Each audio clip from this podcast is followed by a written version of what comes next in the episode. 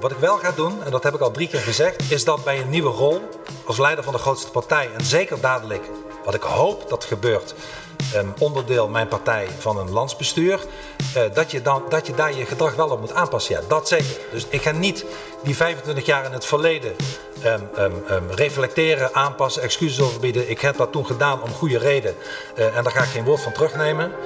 Dit is Politiek Vandaag met Sam Hagens. Geert Wilders houdt zich in, hij wil premierwaardig overkomen, maar hij neemt tegelijkertijd niets terug. Jezus zegt, ik hoef al die uitspraken uit het verleden niet na te lopen. En Omtzigt wordt aangevallen op transparantie. Het was een fel debat over de verkiezingsuitslag, maar wat betekent het uiteindelijk voor de formatie? Dat bespreken we met fragmenten uit het debat. Maar eerst introduceer ik graag mijn gast van vandaag, Ton F. van Dijk. Hey Ton. Hassan. Je bent politiek columnist van HP De Tijd. Op afstand wel, maar we hebben uitgebreid getest, dus het moet allemaal werken. Um, fijn dat je er bent. Ik, uh, als ik hier in de wandelgangen rondloop en mensen vragen mij... Uh, wie ga je nog allemaal uitnodigen in je podcast? Dan zeg ik, Ton komt volgende week ook. Dan vinden ze jou een heel mysterieus figuur. Uh, nou ja, ik ben niet iemand die zoals jij de hele dag in Den Haag rondloopt. En zoals heel veel andere journalisten. En um, dat is overigens heel belangrijk werk. Want ik lees ook natuurlijk elke dag in de kranten en op de, zie ik op tv wat, waar jullie verslag van doen. Maar ik ben meer een beetje de Haagse outsider. Dus ik kijk van een afstandje naar Den Haag. En uh, ja, dan zie je soms weer dingen die een ander niet ziet. Maar soms mis je ook dingen. Dus dat is onvermijdelijk. Ja, uh, hopelijk kunnen we elkaar dan wat dat betreft aanvullen. Voor mensen die het niet ja. weten. Je, je, je, brengt veel onderzoeksverhalen voor HP De Tijd dus. Onlangs nog over Sumaya Sala en Frits Bolkestein. In het verleden geschreven over Hans van Balen, Han ten Broeke. Die moesten allebei het veld ruimen na jouw berichtgeving. Um, uiteindelijk hoe, misschien kun je, voordat we ook over dat debat gaan beginnen, even uitleggen hoe jij te werk gaat. Want jij krijgt wel eens tips ook, denk ik, hè? Nou ja, het gaat niet alleen om tips. Hè. Soms, uh, dat men, mensen denken vaak dat onderzoeksjournalistiek alleen maar gaat over een bruine envelop die bij je in de bus valt. Of een, iemand in een parkeergarage met een gleufhoed die je ontmoet. Dat, dat is heel vaak niet zo. Dus heel vaak begint het gewoon met uh, ja, zelf de fantasie hebben om ergens onderzoek naar te doen. En dan kom je in de loop van de tijd natuurlijk wel met bronnen in aanraking die liever niet ja, met naam en toenaam genoemd worden. Of krijg je wel eens een document toegespeeld. En eerlijk gezegd, soms begint het ook wel met een tip. Hè. Uh, ja, ik ben je dan niet al... bang om een doorgeefluik van de macht te zijn? Nee, absoluut niet. Want je kijkt gewoon natuurlijk keer op keer. Uh, is iets relevant? Kloppen de feiten? En uh, dan ga je wederhoor plegen. En dan pas publiceer je een verhaal. Maar bijvoorbeeld dus, het, het laatste stuk wat je over Sumaya Sala en Frits Bolkestein hebt ge geschreven. Die timing was natuurlijk wel opvallend. Ik denk dan gelijk, oh, dat heeft hij vanuit de VVD te horen gekregen. En vlak voor de verkiezingen willen ze die Sumaya Sala eventjes uh, uit de partij uh, werken. Mm, nou, ik denk eerder dat het anders gegaan is. Ik was er al een tijdje mee bezig. En ze zagen toen aankomen van dit verhaal komt eraan. En ze hebben toen natuurlijk een strategie moeten bepalen van... en dat was inderdaad natuurlijk voor de verkiezingen. Maar dat is gewoon puur toeval geweest. Het was puur toeval voor de verkiezingen. Ja, Want het was al een jaar bekend bij die partij dat dat allemaal zo gaan ja, was, nee, toch? Nee, het was waarschijnlijk geen toeval dat de VVD met dit standpunt kwam, omdat de verkiezingen heel dichtbij kwamen. Ze wilden natuurlijk niet last hebben tijdens de campagne van het feit dat er zo'n verhaal boven de markt hing. Ja. Maar het feit dat ik het heb gepubliceerd op dat tijdstip, dat heeft niks met de verkiezingen te maken. Dus dat is gewoon puur toeval geweest. Oké, okay, duidelijk. We gaan het over het debat hebben. Het was heel fel, vond ik. Best wel spannend ook. Maar er bleef, dat bleef hangen. Maar tegelijkertijd denk ik ook dat voor mensen van buiten die Haagse bubbel... misschien ook wel denken... dit gaat allemaal veel te lang duren. Ja, ik denk dat uh, heel veel kiezers willen natuurlijk eigenlijk het liefst dat er morgen een nieuw kabinet is en dat alle problemen worden aangepakt. En uh, ja, nu uh, moet er eerst gepraat worden over wat voor heel veel mensen heel erg abstract is. grondrechten, grondwet. Het, kijken we wel hetzelfde naar hele principiële dingen. Maar aan de andere kant, ja, het formeren van een kabinet en met deze verkiezingsuitslag gaat gewoon enige tijd kosten. Dat is overigens ook normaal dat de formatie uh, ja, een aantal maanden, soms een half jaar. En de laatste formatie duurde dan bijna een jaar of zo. Dus dat, dat was wel heel exceptioneel. Maar het is wel normaal dat het lang duurt. Maar mensen hebben geen geduld meer natuurlijk. Die, die hebben gezien dat de afgelopen twee jaar bijna niks is gebeurd. Daarvoor is een jaar geformeerd. En ze willen gewoon dat, dat het probleem worden opgelost. Ja. Wat me opviel voor het debat, en dat was gisteren eigenlijk ook al zo. Pieter Omtzigt is zich heel erg bewust van de camera's. Voordat het begint gaat hij... Uh, staat hij bij die interruptiemicrofoon. Uh, gisteren met een aantal, met Tim, met, met Jet, nee, dan moet ik het goed zeggen, met Jesse Klaver ook bijvoorbeeld. Maar vandaag was dat dan met Jussegus. Heel veel lachen. Haal jij daar iets uit? Wil, wil, hij, wil hij een mooi beeld verkopen van dat gaat allemaal best wel goed? Nou ja, ik denk wel dat hij heel erg graag wil laten zien dat hij uh, heel ontspannen is. En dat dat uh, zijn non-verbale communicatie is. Want mensen hebben hem natuurlijk de afgelopen jaren gezien met vaak een strak gezicht. En hij heeft nu natuurlijk toch de verkiezingen mede gewonnen. Dus hij wil denk ik wel laten zien van hé, hey, er is wat veranderd voor mij. Dus het viel mij ook op dat hij in, in de pauze van het debat, terwijl de camera's gewoon nog liepen, inderdaad bleef staan. En, en, maar of dat heel bewust is, weet ik niet. Maar ik denk wel dat hij heel bewust het beeld neerzet van een ontspannen, zo ontspannen mogelijk politicus. Ja. Omdat iedereen ook denkt dat hij misschien best wel uh, ja, uh, slecht met die spanning om kan gaan. Voor de duidelijkheid, um, wij nemen dit uh, op op het moment dat de grootste partijen eigenlijk wel al zijn geweest. Het spannendste gedeelte van het debat is achter de rug. Um, om nog even te beginnen met Wilders. hoe hij zich nu verhoudt tot de rest had natuurlijk wel best wel wat tijd nodig, omdat er veel interrupties kwamen aan het begin van het debat. Er werd volop op hem uh, geschoten door de oppositie. Uh, wat, hoe, hoe, keek jij naar zijn positie? Dat hij, hij, ja, hij probeerde zich nog wel in te houden. Uh, tot op zekere hoogte ging niet in op aantal aanvallen van Timmermans bijvoorbeeld. Die horen we zo meteen nog. Maar heeft hij mensen gerustgesteld met dit debat? Ik denk het niet. Kijk, uh, tenminste wel mensen misschien die gekeken hebben. Maar ik denk niet mensen daar in de zaal die uh, met hem moeten gaan regeren. Of, uh, kijk, hij probeerde heel erg premierwaardig over te komen. En ik moet zeggen, dat lukte de eerste tien minuten van zijn, van zijn hele bijdrage. Lukte dat ook best aardig. En toen was hij heel rustig. Maar ja, toen hij daarna weer werd aangevallen, viel hij toch een beetje terug in zijn oude rol. En begon hij toch wat meer verneinig om zich heen te slaan. Hij verweet Rob Jet dat hij vals was en met valse opmerkingen kwam. Was dus ook wel waar, toch? Ja, Als dat, dat Wilders de loopjongen van Poetin was, bijvoorbeeld. Ja, precies. Maar toen zag je wel de oude Wilders meteen weer een beetje naar voren komen, natuurlijk. Dus heel die, bestaan nog steeds. Hè? Dus hij probeert natuurlijk nu heel rustig te doen. Dus uh, nee, wij nemen afstand van dingen. We geven dingen weg. We, willen, we voelen de verantwoordelijkheid. We zijn nu een andere partij. Ik ben een andere partijleider. Uh, ik zit niet meer in de oppositie, want ik wil nu gaan regeren. En hij zei ook heel duidelijk: ja, ik wil ook premier worden. Ja, ja of hij dat echt gaat doen, is maar de vraag. Het is ook, nee, dat is uiteindelijk ook een standpunt in die, in die onderhandelingen. Of ja, je moet dat wel zeggen als grootste partij. Ik kan me niet voorstellen. Ik kan me echt niet voorstellen, maar goed. Nee, uh, klopt. Het zou heel raar zijn als hij nu niet zou zeggen dat hij premier zou worden. Ja, precies. Frans Timmermans dan. Die stond vanochtend uh, voor het debat met een groot interview in NRC. Daar zei hij een aantal interessante dingen. Um, hij zei bijvoorbeeld dat hij de formerende partijen uit elkaar wil spelen. Klinkt ook best wel fel. Um, en hij kwam uh, in het debat met een bijzondere vergelijking. U doet me echt denken, ik weet niet, ik zal het een klassieker noemen, uh, uh, Nemo. Ja. In Nemo komt Bruce voor. En Bruce is een grote witte haai die heeft afgesproken met zichzelf, ik ben nu vegetariër, ik eet geen vissen meer. Totdat hij bloed ruikt en dan wordt hij weer de haai zoals hij altijd is geweest. Zo zie ik u, ja. uh, meneer Wilders. Als u de kans krijgt, zult u de democratische rechtsstaat van dit land ondermijnen. Ik wil u die kans ontzeggen. Kijk, ik heb nou heel veel vergelijkingen uh, die ik over u kan maken in mijn hoofd zitten. Uh, maar ik ga het niet doen. Gelukkig. Ik ga het niet doen. Ik ga me beheersen.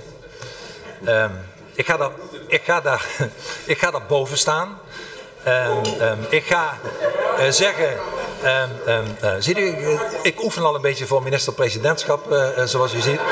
Je hoort het wel ook een beetje in dit fragment, maar op beeld zie je het nog veel duidelijker. Je ziet hier ook een soort plezier bij die twee. Hè? Ook bij Geert Wilders zag ik het ook van. Hij vindt dit ook wel heel erg leuk. Het is toch ook een soort spel voor zo'n debat. Nou ja, het zijn allebei natuurlijk twee hele grote ego's. Dus die vinden het ja. wel leuk om met elkaar te sparren. Maar over dat interview, wat hij van tevoren had gezegd: hè, van ik, ik, ik ga ze uit elkaar spelen. Ja, dat vond ik een hele rare opmerking. Want ik denk, als je dat nou gaat doen, moet je dat dan hardop zeggen. Is dat dan slim? Want meestal is het effect daarvan. Als mensen denken, oh, dat gaat hij dus doen. En dat ga je ook nog publiekelijk zeggen dan gaan die partijen een beetje naar elkaar toe. Die denken, ja, wij gaan ons niet uit elkaar laten spelen. En dat zag je ook gebeuren tijdens dit grapje. Want de camera zoomde daarna even in. Ik zat dus op tv te kijken. Uh, zoomde even in op omzicht. En die, daar, zag je heel duidelijk een soort afkeuring op zijn gezicht over deze grap. Die vond het een hele flauwe, vervelende grap. Dus uh, dat uit elkaar spelen, dat werkte nog niet zo. Nee, uh, en je ziet eigenlijk ook wel dat, dat, dat zag je op meerdere momenten hoor. Ook, ook bij Jesselgus, ook bij Omzicht, ook inhoudelijk. Ze hebben ook wel een paar punten eigenlijk dat ze het ook wel een beetje opnemen voor Wilders. Eigenlijk zag je een soort kleine coalitie ook wel vormen. Um, maar om eventjes verder door te gaan over uh, de VVD en uh, Dylan Jesselgus. Die, uh, het opvallende daaraan vond ik uiteindelijk ook Dus dat zij over die rechtsstatelijkheid, dus dat het begin, het startpunt van uh, deze verdere formatie, waarbij Ronald Plasterk uiteindelijk de informateur uh, lijkt te worden. Zij zei daarover, die rechtsstatelijkheid, zijn we in één of twee gesprekken gewoon uit?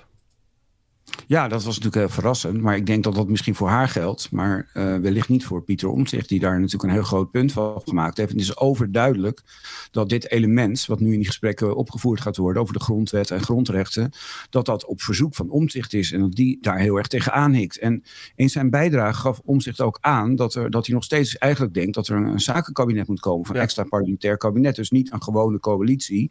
Die is gebaseerd op een meerderheid. Hij zei ook nog, ik denk dat de kans heel klein is dat er een meerderheidskabinet komt. Dus, dus Omtzigt, die, die, die, uh, ja, die heeft dit nodig om überhaupt een rol te kunnen gaan spelen in het steunen van zo'n coalitie of zo'n kabinet. En hoopt dan natuurlijk dat er iets komt wat op wat meer afstand staat, zodat hij niet vereenzelvigd wordt met, met een Geert Wilders. Hij zegt dan ook, um, ik wil eigenlijk met de verschillende kanten in de Kamer samenwerken. Hè? Dus met links, met rechts en gewoon kijken per onderwerp ook waar waar je die meerderheden nodig hebt. Ik kan me eigenlijk niet voorstellen dat een Frans Timmermans misschien op een, op, wat, op, op, een, op een sociaal standpunt akkoord gaat, terwijl die weet, uh, omzicht gaat op rechts een migratiepact sluiten. Kun jij het je voorstellen? Nou ja, tenzij er zo'n zakenkabinet komt. Dus een kabinet wat op grote afstand staat van de Tweede Kamer. Ja. En waar uh, ja, mensen dus uh, zelf plannen mogen maken en dat kunnen voorleggen aan de Tweede Kamer. En dan komt er dus een plan wat gaat over bestaanszekerheid. Nou, dan moet je natuurlijk als uh, Timmermans sterk in je schoenen staan om te zeggen, hier ga ik tegenstemmen.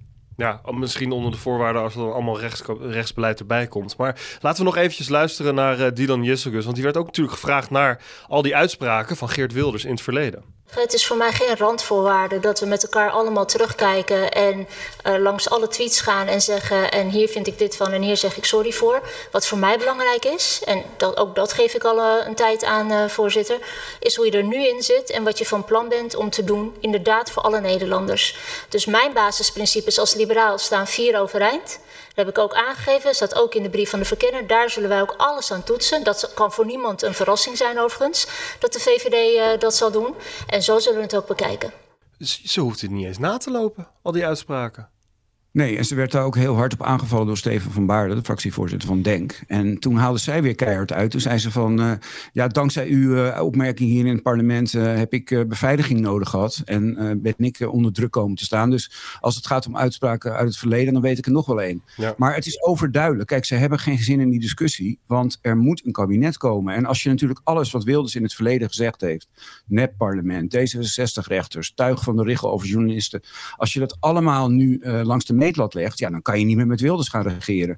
Dus iedereen doet nu zijn best om het verleden een beetje te vergeten. En uh, ja, de magie te creëren van uh, er is een nieuwe situatie. Ja, uh, Omtzigt doet dat ook. Hij probeert ook eigenlijk een manier te vinden van hoe ga ik nou met Geert Wilders verder in zee eventueel. Of hoe, hoe hoe kan dat überhaupt? Het leek er eventjes op, nou, het lijkt er eigenlijk wel op, dat hij een geitenpaadje heeft gevonden voor die samenwerking. Hij benoemde net in het debat het verschil tussen de grondwet en de grondrechten.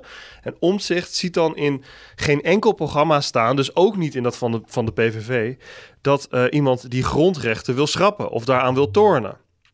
Ik denk zelf dat de experts die mee zaten te kijken, bijvoorbeeld zo'n Wim Voermans dat hij dit misschien nog wel na gaat lopen? Of heeft hij dit, of heeft hij dit al helemaal goed uitgezocht, denk jij? Uh, nou, volgens mij, volgens mij ging het over. Uh, er werd gesuggereerd van dat de partijen de grondwet willen veranderen. En toen zei hij: ja, uh, dat is op zich niet zo gek dat je misschien iets in de grondwet wil veranderen. Dat wil uh, GroenLinks, Partij van de Arbeid ook. Die willen de koning een andere positie geven. Daar moet je ook de grondwet voor veranderen. Maar zei hij: ik zie nog geen voorstellen om de grondrechten aan te passen. En de grondrechten mm -hmm. die staan in hoofdstuk 1 van de grondwet. En dat is bijvoorbeeld je recht op privacy, vrijheid van meningsuiting, uh, recht op uh, vrijheid van godsdienst. Uh, nou ja, dat zijn de klassieke grondrechten. En die zijn bedoeld om de burger te beschermen tegen de overheid. En daarvan zei hij, ja, die, die worden eigenlijk volgens mij niet ter discussie gesteld. Maar ik vind dat je daar wel een vraag bij kan stellen. Want het programma van Wilders wil wel degelijk natuurlijk de vrijheid van godsdienst inperken. Uh, wil mensen met een dubbel paspoort het land uit kunnen zetten als je een misdaad gepleegd hebt. Dat soort zaken. Dus ja, uh, dat zal allemaal onderwerp moeten zijn van, uh, van gesprek de komende tijd. Maar ik denk dat ze er heel erg belang bij hadden om de, om de boel nu niet op te stoken, maar een beetje af te dempen. Zodat die gesprekken eerst plaats kunnen vinden. Ja, dat, denk ik ook. Waar, staan we dan nu uiteindelijk uh, in die formatie? Wat, wat, blijft er hangen na dit debat?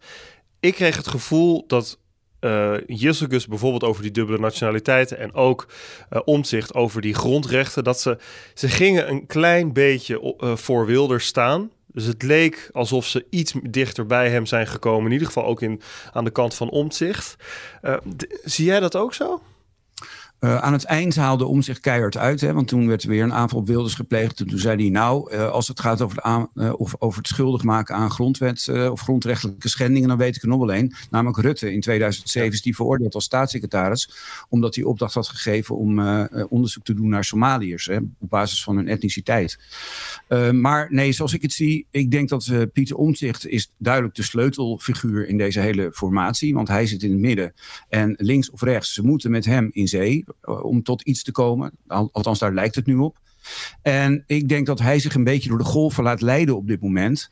Door het proces, zonder dat hij zelf al een heel duidelijk beeld heeft waar hij uit wil komen. Behalve dat hij naar zo'n zakenkabinet wil of naar zo'n extra parlementair kabinet.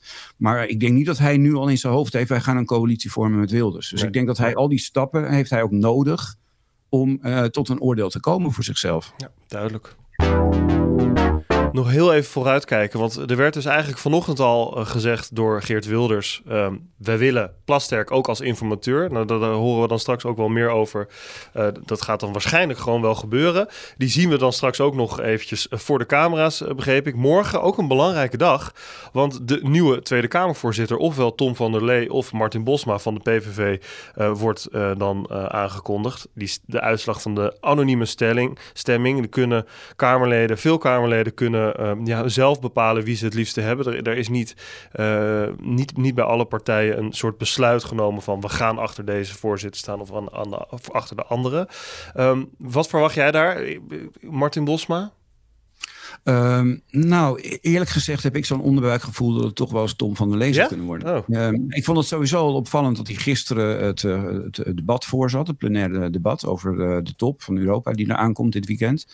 En dat deed hij op een hele goede manier. Dus ik dacht, nou, hij kan aan die nieuwe Kamer eigenlijk nu zijn visitekaartje afgeven. Dus ik had eigenlijk verwacht dat Bosma vandaag in dat uh, debat zou zitten om ook te laten zien hoe hij dat doet aan al die nieuwe ja. Kamerleden.